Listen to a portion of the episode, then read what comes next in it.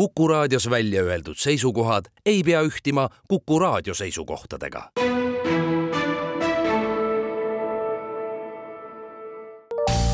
terviseks.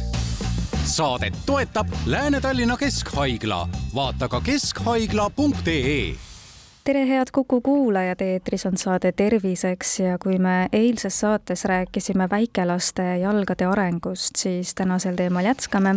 mina olen Ingela Virkus ja koos minuga on stuudios Lääne-Tallinna Keskhaigla taastusarst, doktor Anu Arbet, tere taas! tere!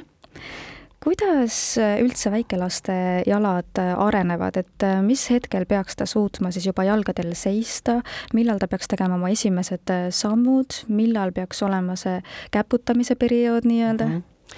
kui nüüd hakkame neid perioode mõtlema, siis tegelikult ega me ei saa panna neid täpseid termineid, vot või täpseid kuupäevi või täpseid aegu või, või, või vanuseid paika, et vot varem oli tõesti jah, kuuekuune laps juba pidi käputama ja seitsmekuune istuma ja, ja juba üheksakuune tõusma ja aastane kindlasti kõndima, kui ta seda ei teinud, oli, oli probleem.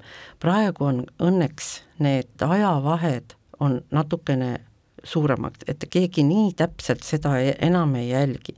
näiteks mõni laps, kes mul on vastuvõtule tulnud, seitsmekuune, palun, tõuseb, täiesti vabalt tõuseb, teeb samme ja kaheksakuune kõnnib, samas tuleb mul aasta neljakuune, ei tõuse veel, aga tal ei ole mingit probleemi, ta ongi lihtsalt aeglase arenguga, ta ongi aeglasem, ettevaatlikum, need, kes on sellised äh, kiirema arenguga ja, ja võib ka seal natukene öelda, võib-olla ka sellised väiksema kehakaaluga, neil on kergem kõiki neid asju teha. aga sealt me võime ka vaadata seda, et noh, mingil määral ta võib olla ka perekondlik eelsoodumus, aga mida ma kindlasti ütlen kõikidele lapsevanematele, ärge võrrelge oma lapsi. Lapsi omavahel võrrelda ei saa, nende areng on kõikidel erinev, isegi kaksikutel, kes on koos, no kogu aeg kõike teevad koos, üks areneb kiiremini, teine ei arene. no see on niimoodi ja me ei saa võrrelda, et üks, vot nüüd esimene laps nüüd juba kaheksakuuselt ta seal tõusis, teine laps tegi vot juba üheksakuuselt, aga vot meil nüüd kolmas on kuidagi aasta ja kaks ja mitte kuidagi ei taha, loomulikult tema rahulikult istub ja vaatab, mis seal teised teevad ja tema areng ei peagi olema nii kiire eelmises saates uh ähm, -huh. mulle jäi nagu kuidagi selline mulje siis, et äh, kui lapsevanem muretseb, et lapse jalad on natukene nagu X-jalad uh mhm, -huh, või O-jalad, mhm. et tegelikult see ei olegi väga midagi hullu, et tõenäoliselt äh, laps kasvab sellest välja, et see on lihtsalt selline periood. et see on selline uh mhm. -huh. füsioloogiline just, eripära nii-öelda. aga kindluse mõttes või enda südamerahu huvides võib ikkagi ju perearstile näidata, äh, mingeid nõu ja soovitusi saada, aga mis hetkel või mida peaks ikkagi oskama vanem märgata, et mis juhul on tegemist juba siis patoloogiaga ehk et millegi tõsisemaga? kui nüüd näiteks ikkagi no kolmeaastane laps ja kui tal on ikka püsiva veel niinimetatud O-jalad, siis see võib olla haiguslik. et siis peaks kindlasti perearstile rääkima, näitama või siis saama saatekirja ortopeedile. siis X-jalad, no X- ja lampjalad, kui on ikkagi näiteks see eh, tõusma hakkav laps, kes suudab ise tõusta, aga oma suure kehakaaluga, mõni laps on väga raske ja ka ta saab hakkama oma tõusmisega.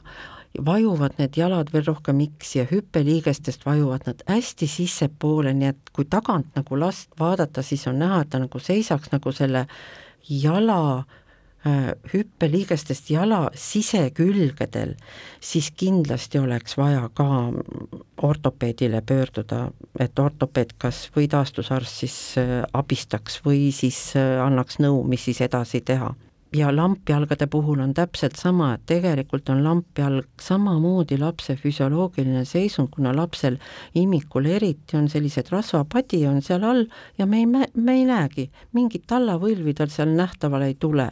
tallavõlv alles tegelikult tuleb nähtavale seal kuskil kujuneb kolmandal eluaastal ja nähtav on ta alles neljandal-viiendal, aga kui nüüd näiteks laps tuleb vastuvõtule ja ema on mures, et tal tallavõlvid on hästi madalad ja mulle tundub, et, et seal pole midagi korrast ära ja ja siis kui ma palun, et, et las ta tõuseb korra kikivarvukile ja kui tuleb see võlm nähtavale, siis tegelikult ei ole probleemi.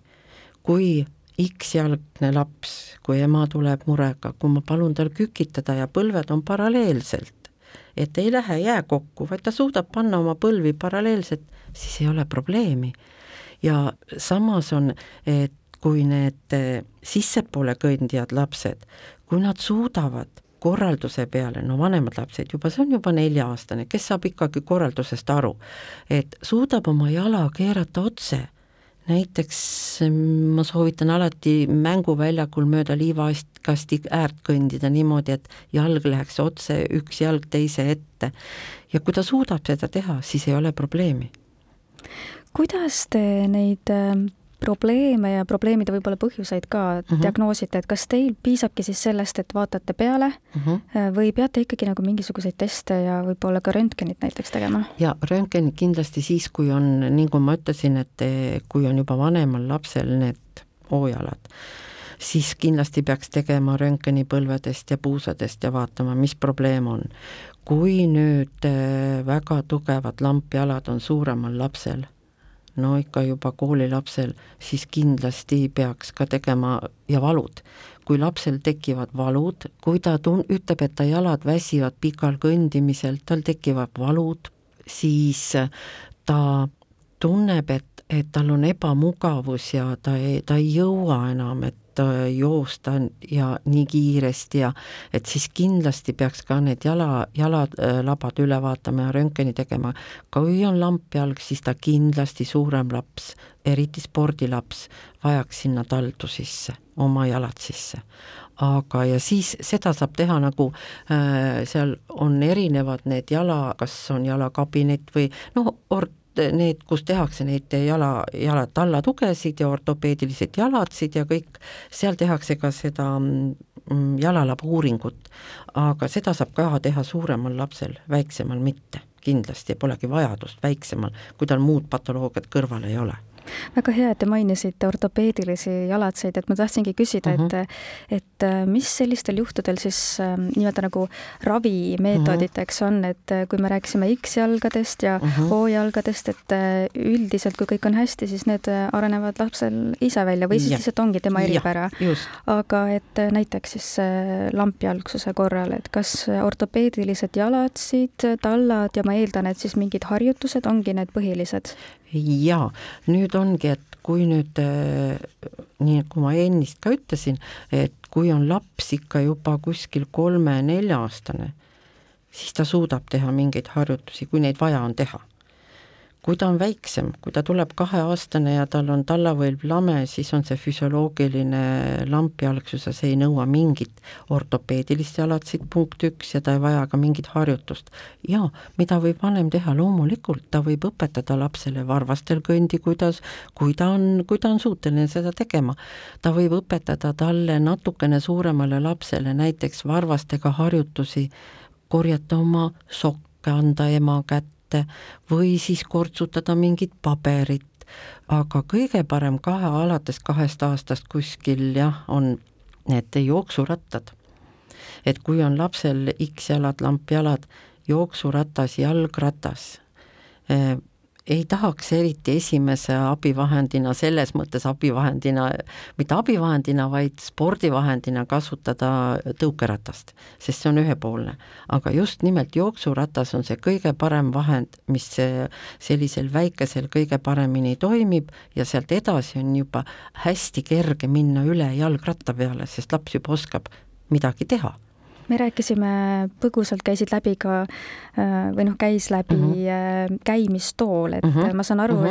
et teie jutu põhjal võib eeldada, et pigem taastusarstid seda ei soovita. jah, sellepärast ei soovita, et esiteks, kui pannakse laps sinna väga varakult, esiteks ta ei oska ise seista, ta ei oska ise kõndida seista ta ei oska sellepärast, et ta on liiga väike, ta on liiga noor, ta on liiga nõrk tal lihased ei ole arenenud, tal ei ole tasakaal arenenud, aga sinna käimistooli pannes ta on seal fikseeritud, jah, ta lükkab oma jalgadega põhiliselt varvastega, sest ta ei oska teha seda õiget sammu nagu kandvarvas, vaid ta lükkab varvastega ja siis, kui ta võetakse sealt käimistoolist välja, siis tegelikult tal ei ole ohutunnet, tal ei ole tasakaalutunnetust, seepärast et see on kõik tal, ta pole arenenud ju see. ja, ja sama asi on ka see kõnnitamine kätest, kui vanem võtab kätest kinni ja hakkab last kõnnitama, kui laps ise veel ei kõnni, siis ta võtab selle tasakaalutunnetuse iseenda peale, laps ei tunneta tasakaalu, tal on rõõmus jaa, ta saab emme, emmega koos või issiga koos kõndida, aga keegi ei arvesta, et laps peab ju tegema õige sammu, aga ta teeb ju seda kogu aeg tippides ja jälle lihased ei arene või arenevad valesti. ja noortel vanematel on hästi mure just see, et kuna vanaemad kui nad märkavad, et laps juba seisab, eile oli mul ka vastuvõtul üks ema ja, ja vanaema nägi, et ta juba seisab ja võttiski kätest, hakkame nüüd kõndima, aga laps ei ole valmis. kui ta saab ise seisma, no kuskil aasta, ta võib hakata ka aasta kaheksa-kuuselt ise seisma, mitte mingit probleemi pole.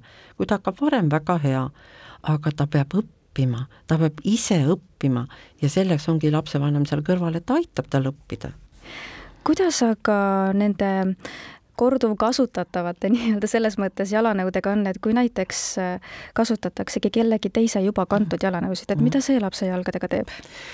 Äh, korduvjalanõud, nõusid võib kasutada sel juhul, kui te võtate selle jalanõu endale ette, keerate selle jalakanna enda poole ja vaatate, kas see jala äh, tald on kusagilt kulunud, kas see jalanõu äh, on kusagilt nagu veidikenegi lääpas või on ta ära vajunud, kui üks koht on kuskilt midagi ära kulunud või valesti, siis ärge kasutage, sest see soodustab teie lapse valet jalaasendit et äh, tahtsin lõpetuseks öelda, mul on alati hea meel, kui lapsevanemad tulevad oma lapsega muredega ja ma saan aidata, ma saan õpetada ja selleks äh, ongi taastusraviarst ja füsioterapeudid ja olete alati oodatud, et teile nõu anda aitäh teile saatesse tulemast ja nõu andmast, Lääne-Tallinna Keskhaigla taastusarst doktor Anu Arbet ja palju jõudu ja jaksu teile! aitäh, aitäh kutsumast!